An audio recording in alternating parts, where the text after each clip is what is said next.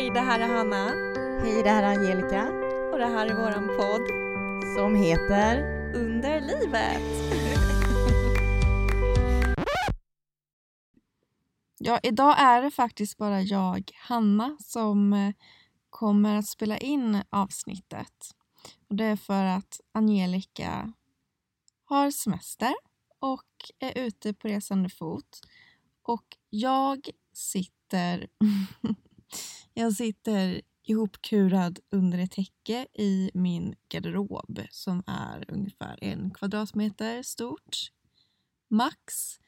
Vi brukar alltid vara i en poddstudio med riktiga mikrofoner och så, så ljudet kommer vara sämre i det här avsnittet. Men det är bara för det här avsnittet. Så jag hoppas att ni står ut. Klockan är också 22.52 tisdag den 25 augusti. Så jag sitter verkligen nu i sista sekund och spelar in det här avsnittet som faktiskt ska släppas om en timme. Och det känns lite galet att tänka på att ni faktiskt är riktiga människor som ska lyssna på det här. Och ni är faktiskt så många som 2000 personer och vi har lyssningen på den här podden varje dag. Och jag och Angelica kunde nog aldrig tro och tänka oss att det skulle vara så här många och som frekvent lyssning eh, som det är. Vi känner oss väldigt, väldigt eh, berörda av eh, all alla lyssningar och alla kommentarer vi får, alla meddelanden, ehm, all pepp. Ni är fantastiska och det känns så coolt att det är 2000 personer som lyssnar på en podd om kvinnohälsa. Och som alltid i avsnitten så frågar jag och Angelica varann hur vi mår. Och jag mår bra faktiskt. Ehm, jag har haft, om man följer mig på Instagram, Hanna Oredsson heter jag där, så har man sett att jag har varit på bröllop i Skåne i helgen. Och det såg nog väldigt festligt ut och väldigt roligt. Ehm, men det man inte såg var att jag klockan ett på natten fick gå och sätta mig i bilen för att jag inte orkade mer. Jag hade valt bort smärtstillande för att kunna dricka alkohol. Men det var en dålig idé för jag, blev, jag fick ont och jag blev väldigt, väldigt trött.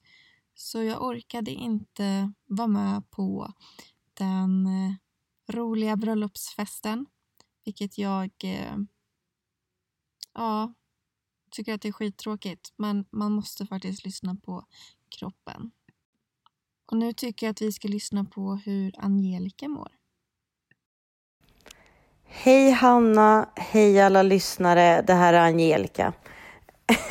det känns som att jag ska dela ut så Eurovision-poäng, men det ska jag inte, utan vi har ju ett lite annorlunda avsnitt den här gången. Eftersom att vi inte kan spela ihop det här avsnittet tillsammans så gör vi det ja, lite via distans. Men jag kände ändå att jag ville vara med. Så att här kommer en liten update om hur jag mår och vad jag tycker om dagens avsnitt.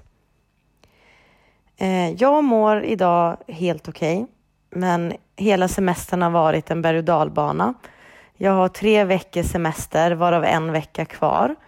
Och vecka ett började jag min semester med ett läkarbesök på gynmottagningen i Globen för att få en fast kontakt där tillsammans med Karolinska då endometriosteamet.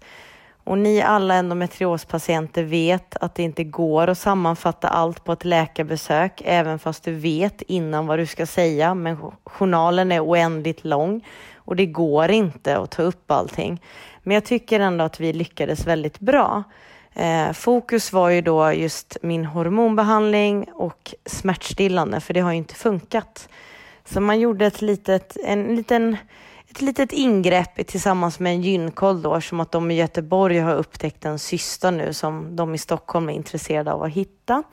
Eh, och efter man har gjort en gynkontroll så har man alltid extra ont, tycker jag. För att det börjar alltid blöda mer och det triggar nervsmärtan. Eh, så att jag hade ju jätte, jätteont. Men det vi kom fram till var i alla fall att jag skulle byta hormonbehandling. Eller nej, inte byta utan ett tillägg. Jag skulle behålla min nuvarande hormonbehandling tillsammans med en ny tablett, gulkroppshormon som heter Provera. För att se om jag faktiskt lyckas bli blödningsfri eftersom att jag inte har blivit det efter min operation 2019 trots Mirena spiral och de här två hormontabletterna. Eh, och sen kom vi in på smärtan, vilket är mitt största fokus, för det är det som gör att jag drar mig tillbaka från sociala sammanhang. För jag har ingen hållbar smärtbehandling tycker jag. Så att eh, då fick jag en ny smärtstillande tablett som heter Palexia som jag då skulle hämta ut på vägen eftersom att jag efter gynbesöket skulle åka på roadtrip med min kompis Sandra. Eh, efter läkarbesöket då så hämtar Sandra mig i Globen. Jag kommer med en spypåse eftersom att jag har ont och jag haltar och har ja, fruktansvärt ont. Eh, bilresan går bra förutom att jag har ont när jag sitter i bilstolen för jag kan inte riktigt sitta på rumpan mot något hårt när jag har gjort något ingrepp eller om jag har ont. Och jag har fått det i Göteborg som en liten ring som gör att det liksom avlastar trycket. Och det hade vi ju såklart inte. Ingen badring eller så, så vi fick ju lösa det med någon filt som vi lindade ihop som en ring så att det inte var något tryck i mitten. Men resan gick bra, men första fokus var ju då direkt när man kom till Vimmerby som var vårt första stopp, att jag skulle gå på apoteket och hämta ut de här Palexia. Eh, kommer till apoteket, Sandra väntar på mig och möts av en vägg. Apotekaren säger nej, det här har vi inte inne. Jag får panik och tänker direkt nej, jag kan inte gå en vecka utan det här. Det, det går inte. Men han förklarar ju då att det här är beställningsvara, att det kanske finns mer tillgängligt i Stockholm eftersom att det finns större sjukhus, men att vi löser det här. Och då frågar jag varför är det beställningsvara? Varav han svarar att ja, det här är ett narkotikaklassat läkemedel som man måste beställa här. Och då förstår man egentligen vad vi endometriospatienter går igenom, vilken stark medicin vi egentligen har som påverkar vår vardag. Eh, ja, ett litet tillägg, men kommer till Västervik, hämtar ut det och andra dagen så känner jag ändå att jag har en helt okej okay dag eh, där jag väljer bort Palexia och väljer en flaska vin och att jag och Sandra sitter och spelar kort. För att jag pratar ju mycket om det här sociala, att det ger mig så himla mycket trots att jag får sota för det sen. Eh, jag kanske får sota för det när jag går och lägger mig eller när jag kommer hem och tar det lugnt. Men det valde jag och det är jag väldigt glad över för den veckan var väldigt fin. Eh, och andra veckan åkte jag till Göteborg till mina två kompisar Hanna och Therese. Varav att vi var hos Hanna då i hennes stuga som är nära havet. Och när man har gjort ett ingrepp så brukar man inte få bada på ja, ungefär tre till sex veckor. Så jag har inte fått bada på hela sommaren. Så jag känner bara, nej, jag kommer faktiskt ta ett dopp. För det var så himla fin utsikt och det var så härligt. Så jag gick ner, doppade mig, men snabbt upp och tog av mig blöta badtrosorna liksom för att det inte skulle ge någon infektion. Eh, och tog på mig en sån här sarong som man kan köpa i Grekland och gick faktiskt hem utan trosor och luftade. För det var ingen som såg oss och jag var så jäkla glad över att jag hade tagit mitt första dopp eh, vecka 32 eller 33 vad det blev nu. Eh, men ja, semestern har varit en berg och dalbana och nu är jag hemma och har haft två hemska dagar med smärta. Eh, tycker att Palexia har hjälpt. Det gör att de här topparna försvinner att det blir mer dalar. Eh, och när man säger dalar så betyder det inte i mina ögon att smärtan är borta utan den blir mer mollande. Och när den är mollande så hade många andra inte klarat av det. Men på grund av våran smärttröskel, att den är rätt så hög, självklart väldigt individuell, men man bygger ju upp den, så har det varit en hanterbar vardag för mig. Ja, känner som jag pratar jättesnabbt här nu för att jag ville få med så mycket för jag vill inte ta över era historier. För att i dagens avsnitt så är det faktiskt våra lyssnare som har skickat in lite historier om hur ni mår och hur ni har blivit bemötta. Och eh, jag har ju läst dem och tycker att de har varit väldigt gripande. Jag har känt igen mig mycket men också inte och det är det som är så fantastiskt med det här med endometrios att vi delar det här För att man tror att man är ensam i mycket men sen hör man någon annans historia och känner att men gud, jag är faktiskt inte ensam i det här. Och det är därför jag tycker att det här avsnittet kommer bli så bra. För att där är ni delaktiga och det betyder väldigt mycket för mig och Hanna för att höra era historier. Så att Eh, jag tackar faktiskt för mig nu så ska vi fortsätta. Tack, tack.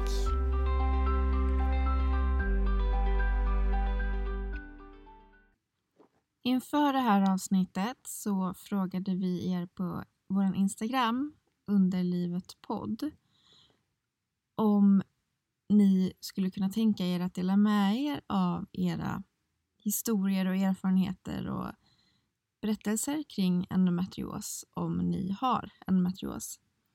Eh, och eh, vi har fått in några berättelser och eh, jag tänkte läsa upp dem här i podden. Så där blir alltså dagens poddavsnitt. Den första kvinnan som har skrivit en text till oss är min alldeles egna stora syster. Jag heter Sara och är stora syster till Hanna som är med och driver podden Under livet. Jag har fått följa med på Hannas resa med diagnosen endometrios samt de olika behandlingar hon prövat. Jag vet hur det är att inte kunna gå på den där planerade aktiviteten eller att tvinga sig iväg och sen bli sittandes i ett hörn och höra att man är tråkig. Jag har lärt mig hur man gör för att leva med smärta så till den grad att folk inte märker eller upplever att man har ont. Jag vet det här för att jag, precis som Hanna, lever med det. Det finns dock en stor skillnad mellan mig och Hanna. Jag har ingen diagnos som förklarar varför det är så här. När jag har mens innebär det kraftiga smärtor, karensavdrag, sömnlösa nätter och tårar. Ägglossningen är för mig nästan ännu värre.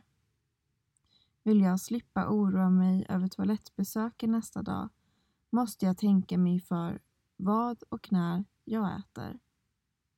Att kunna njuta av penetrerande sex är ingen självklarhet på grund av smärtor både under och efter samlag. Som tur är har jag en fantastisk man som stöttar. Och inte att förglömma så finns det många vägar till njutning. Jag har vid läkarbesök de senaste 17 åren. För ja, jag har sökt hjälp. Fått höra bland annat att det kan göra lite ont om mens. Det är ju inte direkt så att du ligger på golvet och gråter av smärta. Och du vet väl att man behöver vara fuktig när man ska ha sex? Jag har känt mig uppgiven och slutat söka hjälp då jag upplevt att jag inte varit sjuk nog för att tas på allvar eller få hjälp. Jag klarar ju av att bita ihop och ta mig igenom livet för det mesta. Jag sköter mitt jobb utan att någon märker min smärta och jag klarar vardagen. Men det är ju på bekostnad av mig. Sommaren 2018 bestämde vi oss för att försöka skaffa ett andra barn. Vår första graviditet hade varit lätt att få till och vi förväntade oss samma resultat även denna gång. Jag hade mått okej okay i många år tack vare preventivmedel. Men jag hade dock aldrig varit symptomfri. Under hösten började jag må illa varje dag och allt eftersom månaderna gick fick jag mer och mer symptom både vid mens och vid ägglossning. När vintern kom hade jag inte en enda smärtfri dag överhuvudtaget. Detta ledde till ökad sjukfrånvaro och minskad inkomst på grund av karensavdraget. Att se kollegor och bekanta visa upp sina växande magar och gång på gång bli besviken när mensen kom tog hårt på psyket liksom smärtorna. Det är inte lätt att hitta lusten då. Till slut tog jag mig mod och kontaktade vårdcentralen där jag träffade en supergullig läkarstudent som frågade om jag funderat på om jag hade en matrios. Hon ordnade en remiss till gyn där jag för första gången fick höra Ja du, du stämmer in på alla punkter. Det låter verkligen som att du har en matrios. De kunde tyvärr inte erbjuda vidare utredning eller behandling så länge jag försökte bli gravid. Jag fick en remiss till fertilitetsmottagningen men fick inte någon hjälp där heller då jag minsann hade klarat av att bli gravid på egen hand tidigare. Till slut fick jag ett plus på stickan och efter en tuff graviditet med sprucken cysta, värk i ligamenten, molvärk, illamående och kraftig foglossning föddes vår andra dotter, Signe Hanna, på juldagen 2019. När jag skriver det här har jag haft min Mirena-spiral i snart sju månader och mår okej. Okay. Jag lever med ett, just nu, nästintill konstant illamående. Molvärk som kommer och går, magkramper, diarréer, samlagssmärtor, trötthet och foglossning.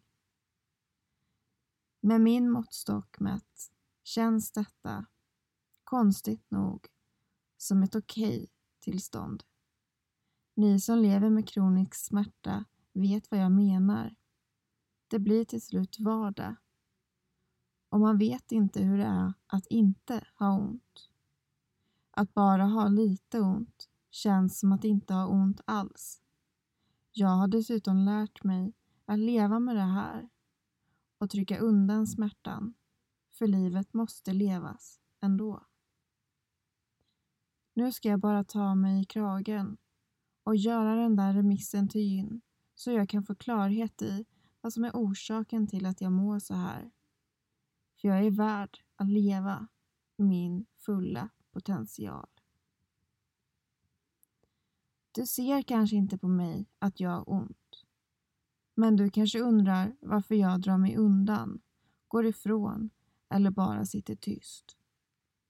Du kanske tolkar det som att jag inte vill vara med. Att jag inte är en social person. I själva verket finns det helt enkelt ingen energi kvar och jag behöver energi för att vara social. Jag önskar att jag alltid fick vara den där glada, pratiga personen som jag har inom mig. Hon som tyvärr får ge vika i många sociala sammanhang då jag inte har energi till att släppa fram henne. Jag önskar att mina vänner, kollegor, familj, men framför allt min man fick ta mer del av henne. För tyvärr är det han som oftast får betala priset. Han får resten som blir kvar när jag har kämpat mig igenom en tuff dag och hållit masken på jobbet och med barnen. Engagerat mig, funnits där, kämpat på. Min man får då den trötta, den tysta, som bara orkar ligga på soffan och titta på TV. Jag önskar att mina döttrar kommer växa upp till en annan verklighet. Att deras ökade risk att ärva den här sjukdomen inte kommer vara ett hinder i vägen till ett valfritt och fullt liv. Att de inte ska behöva kämpa för hjälp eller prioritera på grund av smärta. Om det inte är så är jag säker på att deras moster och föräldrar kommer kriga tills det blir så. Jag tror dock att vindarna börjat vända och att livet som kvinna kommer bli lättare. För ingen ska behöva offra något på grund av sin livmoder.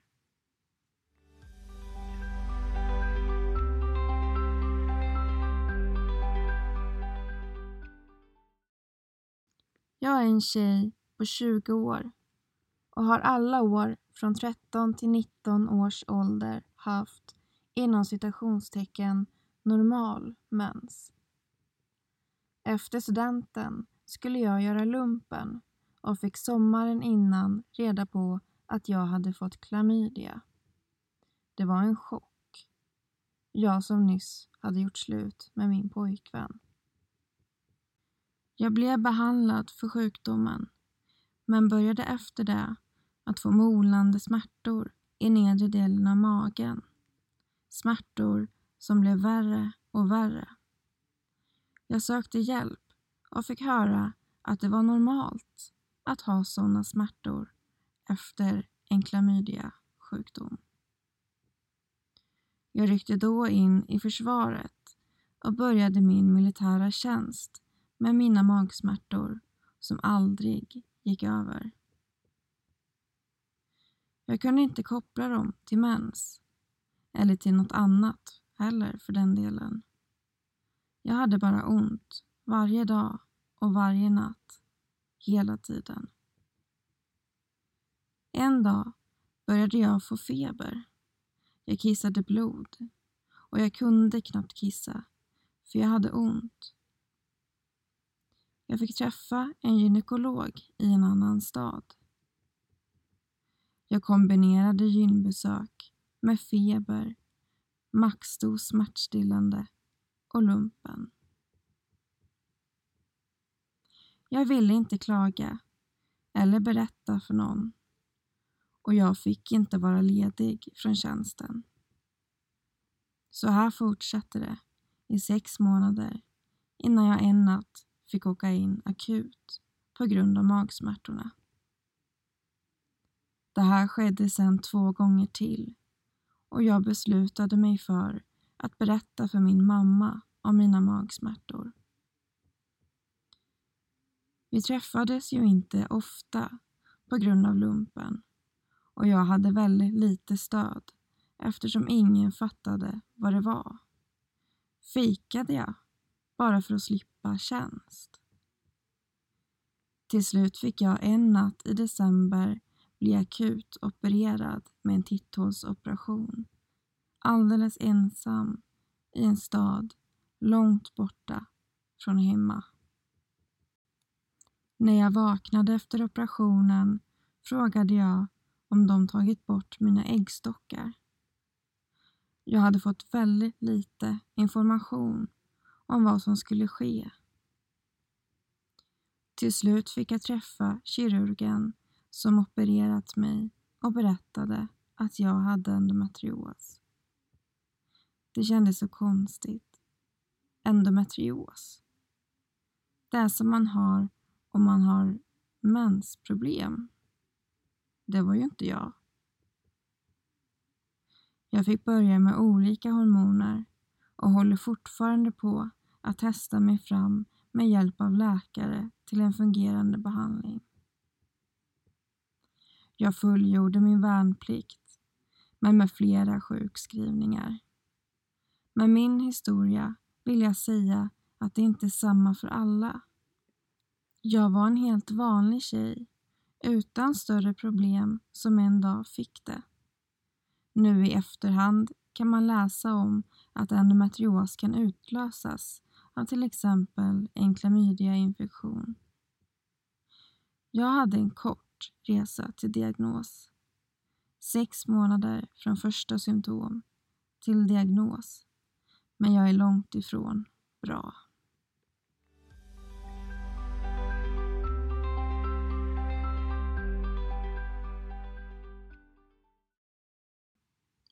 Jag heter Sara Österberg och när jag sitter och skriver det här så har det gått snart ett år av smärta och frustration. Mitt längsta år i mitt liv. Mitt jobbigaste år i mitt liv. Ja, det mest krävande året i mitt liv har det varit. Jag kan inte räkna hur många tårar som har fällts under det här året. Men tro mig, det är många. Jag vet inte riktigt hur jag ska börja, men jag tar det från den första dagen då mina besvär kom. En varm dag i Grekland den 6 september 2019. Jag och min sambo har precis åkt från hotellet och är snart framme på flygplatsen efter en helt underbar vecka med mycket sol, bad, mat, vin och kärlek. Vi är så himla nöjda och glada och det känns kul att få åka hem och berätta allt vi gjort på vår resa. Väl framme på flygplatsen så får jag akut ont i magen och måste springa på toaletten. Jag sitter där länge och det bara rinner ur mig. Jag vet att jag tänkte, nej, nu har jag fått magsjuka. Hur ska jag orka sitta på flyget i flera timmar? Men det är liksom sånt som händer just mig. Jag har alltid haft otur i och blivit sjuk när jag varit utomlands. Fått blivit inlagd på sjukhus. Blivit nersövd på grund av att en konfetti fastnat i halsen. Jo, det är sant. Och det var en himla bra fest, så det var värt det. Skämt åsido. Jag har alltid haft lite otur och har dåligt immunförsvar. Så jag var egentligen inte så förvånad över att jag fick magsjuka där på flygplatsen. Liksom, well, that's me. Väl hemma i Sverige så var jag hemma några dagar från jobbet och tyckte jag blev lite bättre. Men det var ändå en smärta kvar i magen som jag inte hade känt förut. Men jag gick till jobbet och försökte köra på som vanligt ändå. Men dagarna gick och smärtan och värken satt liksom kvar så jag sökte mig till vårdcentralen. Jag vet faktiskt inte hur många blodprover och avföringsprover jag har gjort. Och alla har visat fina värden. Det är inget fel på dig, Sara. Allt ser jättebra ut, sa de gång på gång. Men jag gav mig inte. Jag kände ju att något var fel. Men varför kunde de inte se det? Rektoskopi, laparoskopi och ultraljud av buken blev nästa grej att få göra och även de visade ingenting. Vilket jag såklart blev glad för eftersom tankarna flög iväg så när man inte fick svar på vad jag hade. Kunde det vara en tumör? Hade jag fått cancer? Nej. Efter att jag hade gjort laparoskopi sa läkaren till mig att jag förmodligen hade fått IBS i Grekland. Någonting har rubbat tarmen. Någonting som jag hade ätit. Det här lät helt rimligt eftersom jag gick på toaletten mellan 8 till 10 gånger per dag och med växlande diarréer och förstoppningar. Så ja, någonting hade rubbat min tarm. De sa åt mig att jag skulle pröva något som kallas för FoodMap. Så det startade jag igång med direkt. Jag tog bort gluten, laktos, lök och så vidare. Allt som kunde trigga igång tarmen. Jag tänkte att det här kommer bli bra. Bara jag äter så här ett tag så blir det bra igen. Nu är vi inne i januari och sedan september så har jag gått ner 11 kilo. Och det här var helt sjukt. Det var inte så mycket kvar av mig för jag var redan smal sen innan. Jag mådde så sjukt dåligt. Dåligt över att inte få veta vad jag hade i magen som gjorde så ont. Och dåligt, för jag ville inte gå ner i vikt. Men allt jag åt kom ut lika snabbt. Så vad skulle jag göra? Foodmappen var väldigt jobbig att göra när jag mådde så dåligt. Att behöva välja bort allt som jag egentligen älskar att äta och ändå inte känna att det gör någon skillnad med smärtan. Men jag fortsatte och körde på för det var ju så de sa att jag skulle göra. Allt det läkarna säger är ju rätt och sant. Eller? Jag fortsatte att åka in och ut på vårdcentralen och fick komma till samma läkare som sa samma saker nästan varje gång. Till slut började det bli psykiskt jobbigt. Jag vet ju att något är fel. De letar bara inte på rätt ställe. En av de sista gångerna jag var på vårdcentralen så fick jag göra en gynundersökning för att se om jag hade någon cysta. Cysta? Vad är det? Det hade jag aldrig hört talas om. Varför ska man kolla det? Det är ju magen jag har ont, tänkte jag. Min läkare gjorde en väldigt snabb gynundersökning och sa Nej, här ser allt bra ut. Du har ingen cysta. Dagarna gick och jag fick bara mer och mer ont för varje dag och inga smärtstillande hjälpte. Jag ringde återigen till vårdcentralen fast jag känner mig som världens jobbigaste person som ringer och tjatar. Och det var ju just det som jag kände att min läkare tyckte om mig.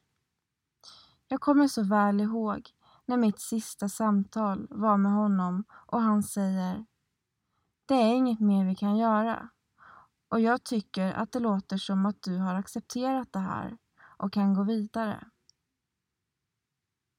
Jag visste inte om jag skulle skratta eller gråta.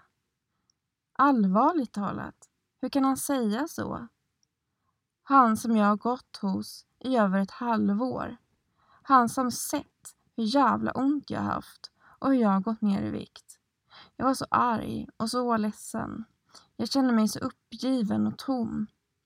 Dessutom hade han skrivit det här i min journal. Men när jag såg det så ringde jag in till vårdcentralen och sa att de måste ta bort det. För det har jag absolut inte sagt. Och det stämmer inte. Jag har inte accepterat det här. Efter det här så bestämde jag mig för att aldrig gå tillbaka dit. Jag fick söka hjälp på annat håll. Som tur är har jag en arbetsgivare som är guld värd och har stöttat mig så mycket och har hjälpt mig att hitta en annan läkare som jag gick till. Han tryckte och kände på magen och jag sa till där det gjorde ont. Det gjorde ont långt ner i magen, mest på höger sida. Hmm, sa han. Om du skulle haft IBS så skulle inte du ha så här ont på ett och samma ställe. Det kan inte vara IBS. Har du hört talas om endometrios? Ändå vad då? Nej, jag har aldrig hört talas om det där. Han skrev ut en massa information om vad det var och vilka symptom man kunde känna. Alla stämde in på mig. Smärtor vid mens, smärtor i nedre delen av magen, smärta vid samlag, smärta vid toalettbesök, smärtor som liknar IBS. Svar ja på allt. Ja. Innan jag knappt hade läst allt som han skrivit ut så kände jag bara han har hittat det jag har. Så himla skönt. Nu kan jag äntligen bli av med det. Han skickade en remiss till en metriosmottagningen i Karlstad och någon månad senare så fick jag äntligen en tid och fick träffa en läkare. Jag fick berätta allt från början och om mina symptom. De gjorde en gynundersökning och ett vaginalt ultraljud. Hela undersökningen, som var ungefär 30 till 45 minuter, var väldigt jobbig då det gjorde så himla ont och jag låg där och grät och grät men tänkte ändå att nu kommer de hitta felet. När undersökningen var klar så fick jag följa med in i rummet igen och de förklarade att de inte kunde se någon cysta eller något tecken på endometrios. Jag bröt ihop. Men jag har ju så ont och allt stämmer verkligen in på mig. Kan det verkligen vara sant att jag inte har det här?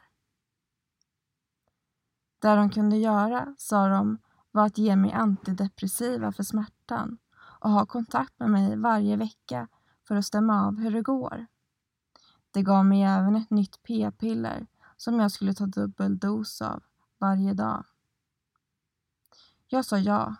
Jag var bara så desperat efter att få bort smärtan så jag lyssnade knappt vad de sa utan tänkte bara ge mig något för smärtan.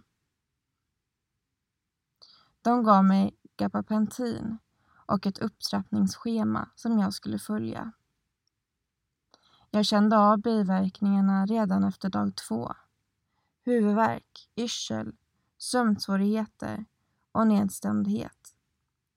Barnmorskorna ringde mig och stämde av varje vecka, vilket kändes skönt.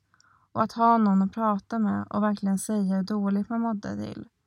För till dem kändes det mer okej okay, än om jag skulle säga det till min mamma eller bästa vän. Veckorna gick och jag blev liksom allt sämre när jag åt gabapentinet. Jag kunde inte jobba. Jag kunde inte ta en kort promenad för då ramlade jag för jag hade sån yrsel och smärtan avtogs inte alls. Den blev bara värre. Jag sa att jag ville prata med den där läkaren i endoteamet som jag gjorde gynundersökningen hos. Hon ringde upp några veckor senare och sa att hon hade beställt en magnetröntgen till mig. Den 15 april 2020 fick jag en tid för en magnetröntgen i Arvika och jag var så nervös. Sex dagar senare fick jag svar att den hade visat en matrios bakom nymodern. Jag kommer så väl ihåg när jag gick in och läste det på min journal och fattade liksom inte vad det innebar fast jag hade läst så mycket om det och lyssnat på så mycket poddar. Jag blev helt stum och började gråta och gick in till mina kollegor och berättade att jag äntligen hade fått svar. Jag har faktiskt någonting. Jag har inte inbillat mig att jag har ont. Jag ringde endometriosmottagningen direkt och ville få hjälp med att läsa min journal och hjälp med vad det innebar. Vad skulle jag göra nu? Som tur var så ringde min endoläkare upp mig ganska snabbt och vi pratade länge. Hon nästan bad om ursäkt för att de inte kunde se något på ultraljudet och gynundersökningen som jag hade gjort tidigare. Har du några frågor? frågade hon. Kan jag bli med barn? svarade jag. Det är min högsta önskan och jag har liksom tänkt på barn så länge. Det var typ det enda jag tänkte på. Inte om smärtan kunde försvinna eller ej. Utan kan jag bli med barn? Det är svårare att bli gravid när du har en matrios och jag skulle råda dig till att inte vänta för länge, svarade hon. Vad är för länge? Jag är 28 år. Är jag för gammal snart eller vadå? Hur länge är länge? Usch, det där var hemskt att höra. Jag känner mig så stressad. Bara över att ha fått ett svar på vad jag hade gjorde mig såklart också stressad. Men att behöva skynda på och bli gravid, det vill jag verkligen inte. Jag fortsatte med gabapentinet men det gav ingen effekt på smärtan så jag ringde in till endomottagningen och bad om något starkare för att jag hade så himla himla ont. Min läkare var ledig så jag fick prata med en annan läkare som skrev ut morfin till mig. Jag hade aldrig tagit det innan så jag var lite nervös men det kändes ändå så självklart att ta det. Då måste det ju bli bra, för morfin är ju starkt. Jag och min sambo stod och lagade risotto och jag tog en tablett morfin klockan 19 på kvällen och fortsatte med risotton. Klockan blev nästan 20 och vi skulle precis sätta oss ner och äta då jag känner en känsla som går genom hela kroppen. Den började i bröstet och vandrade sakta upp och sen ner i magen och ut i benen och sen sa det bara pang. Jag fick så sjukt ont. En smärta jag aldrig känt innan. Jag la mig dubbelvikt i sängen och kröp ihop och hela kroppen bara krampade och jag skrek och grät på samma gång. Min sambo visste inte vad han skulle göra. Jag såg att han blev så himla rädd. Jag skrek Ring 112. Blodet bara rusade inom mig och jag började frysa och krampa ännu mer. Jag fick inte luft i lungorna. Det var som om någon satt på mitt bröst. Ambulansen kom ungefär en timme efter att det hade börjat och då hade det lugnat ner sig lite. De tog tempen och EKG, men allt såg bra ut. De förklarade att endometrios kan göra så här. Herregud, hur kan det göra det? Och hur kan ni säga det som att det var normalt att få så här ont? Jag trodde faktiskt att jag skulle dö. De förklarade att det gav bättre effekt om man tog både Alvedon och morfin så jag gjorde som de sa. Så du kan sova under natten, sa de. Jag vaknade upp mitt i natten och var så kissnödig så jag gick upp men kände mig väldigt snurrig. Min sambo hörde att jag gick upp så han gick efter. Väl inne på toan svimmade jag så han fick i stort sett bära mig till sängen. Min kropp la liksom av. Dagen efter var jag helt slut och vilade hela dagen. Morfin tar jag aldrig mer igen. Jag fortsatte med gabapentinet istället. Jag var nu uppe i 800 milligram tre gånger om dagen och nu är vi inne i maj månad. Jag känner mig mer och mer ledsen, nedstämd, uppgiven och jag såg ingenting positivt i någonting. De dagar jag orkade jobba kom jag alltid hem trött och somnade direkt så jag hann ju inte med någonting efter jobbet. Träffa kompisar? Nej, det fanns knappt under den här tiden. Jag var bara så nedstämd och ledsen. Jag räckte inte till, kände jag. Droppen kom när jag var ute på en promenad en dag då jag hade så sjukt ont. Men jag tvingade mig ändå ut för att det brukar alltid kännas bättre när jag väl kom ut och gick. Men inte idag. Idag skulle jag stannat hemma med en värmekudde istället. Jag minns att jag gick på vägen och det kom några bilar då och då. Jag hade gråten i halsen hela vägen och när jag såg en bil komma på min sida av vägen tänkte jag Snälla, kör på mig. Det är väldigt svårt att berätta det här och jag gråter när jag skriver det. Men det är faktiskt sanningen. Jag kände så här just då. Min psykolog sa att det var vanligt att känna så här. Att det var vanligt med självmordstankar. Åh, hjälp, tänkte jag. Jag bestämde mig. Jag slutade med de antidepressiva på egen hand. Jag bestämde det här själv. Det kändes skönt att ha bestämt sig för något och att faktiskt ha tagit det steget på egen hand. Det var ingen annan som sa åt mig att sluta med dem, utan jag bestämmer själv över mig och min kropp. Jag hade blivit en annan människa med de här tabletterna. Jag var inte mig själv. Och det har jag hört många säga. Vart är den där spralliga, glada Sara? Men verken var ju fortfarande kvar fastän jag slutade med gapapentinet såklart. Jag fick prova lite andra smärtstillande. Oxynorm och Kataprysan till exempel. Oxynorm är ett morfinpreparat fast inte lika starkt som det morfinet jag tog när ambulansen fick komma. De tabletterna funkade ganska okej. Okay. Jag blev dåsig och väldigt trött men det tog bort lite av smärtan så jag åt dem varje dag i kanske en och en halv månad. De tabletterna kunde de inte skriva ut mer än två gånger eftersom det inte var en långsiktig lösning och morfin kan man bli beroende av, sa de. Absolut, det förstod jag. Men går man med sån här smärta varje dag så blir man knäpp till slut om man inte får något som hjälper.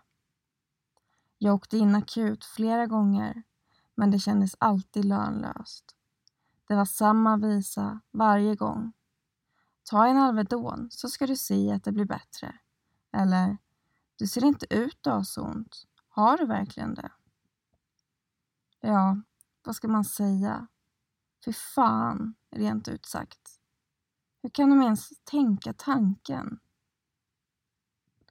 Jag tänker ofta på dem som har haft en matrios i flera år. Hur har ni klarat av det? Jag har snart haft det i bara ett år, men är helt slut. Vilka kämpar ni är. Jag kämpar för och med er.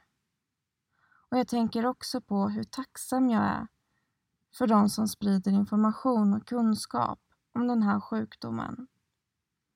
Alla poddar, alla grupper man kan gå med i där man kan få skriva av sig och få dela sina känslor och sin verklighet med andra som verkligen förstår. Jag vill bara säga tack för att ni finns. Och verkligen ett stort tack till Hanna och Angelica som gör podden Under livet. Det är en sån trygghet att sitta och lyssna på dem och det känns nästan som att de är ens familj. De berättar om hur det är att leva med det här och de pratar verkligen från hjärtat. Jag har lärt mig att man måste skaffa sig så mycket kunskap på egen hand och komma med egna förslag till nya tabletter och så vidare. Men hur ska man orka ta till sig all kunskap och leta på egen hand när man har sig själv att ta hand om och orka med? Vissa dagar fattar jag inte hur jag ska orka leva vidare. Men jag försöker alltid tänka på något positivt när jag har de där värsta dagarna. Hade jag inte haft min familj, mina vänner och min sambo så hade jag inte klarat det. Jag har inte accepterat att jag faktiskt har en sjukdom. Behöver man acceptera det för att gå vidare? Jag vet inte. Jag har väl inte insett att jag är sjuk, att jag är en ny Sara. Jag vill bara vara jag och inte den där personen som jag har blivit. Den personen som måste ställa in i sista minuten, inte kunna träffa sina vänner eller äta en pizza och ta en öl bara för att det är gött. Den personen som måste ligga med smärta och kramper i flera dagar efter att hon har haft sex för att det gör så ont. Jag vill inte vara den personen. Nej, jag vill inte vara den personen. Endometrios är så mycket mer och så mycket större än vad jag kunnat ana. Man måste ta en dag i taget, ett steg i taget. Ingen dag är den andra lik. Ena dagen träffar jag en kompis och går en promenad och har lite ont i magen. Andra dagen äter jag spaghetti och köttfärssås som lunch på jobbet och får inte alls ont i magen. Tredje dagen ligger jag i fosterställning i sängen med värmekudde och tensmaskin och vet inte vart jag ska ta vägen med mina smärtor. Fjärde dagen att jag återigen spaghetti och köttfärssås och får så ont i magen att jag nästan spyr. Jag tar flera smärtstillande och måste ligga i sängen resten av dagen.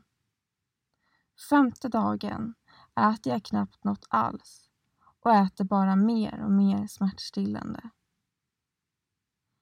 Ena dagen kan jag alltså äta det jag vill och andra dagen inte.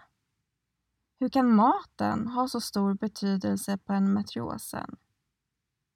Det har jag så svårt att förstå, men allt hänger ju ihop. Nu är jag inne i augusti och där jag är idag är att jag kämpar fortfarande med kosten. Vilka smärtstillande jag ska äta. Jag väntar på en titthålsoperation. Jag funderar över barnfrågan och försöker bara leva ett så normalt liv som möjligt. Att inte ge upp, fast att jag tänker den tanken så många gånger. Jag har en gnutta hopp, ett litet hopp om att det måste bli bättre. Det kan ju inte vara så här för alltid. Eller? Jag försöker vända på varje sten. Jag försöker skaffa så mycket information som möjligt och pröva allt som går för att kunna göra det bättre. Det måste bli bättre. Mina drömmar är att kunna gå åtminstone en dag utan smärta. Få barn. Gifta mig. Kunna äta vad jag vill. Och kunna resa igen. Och bli den gamla Sara igen.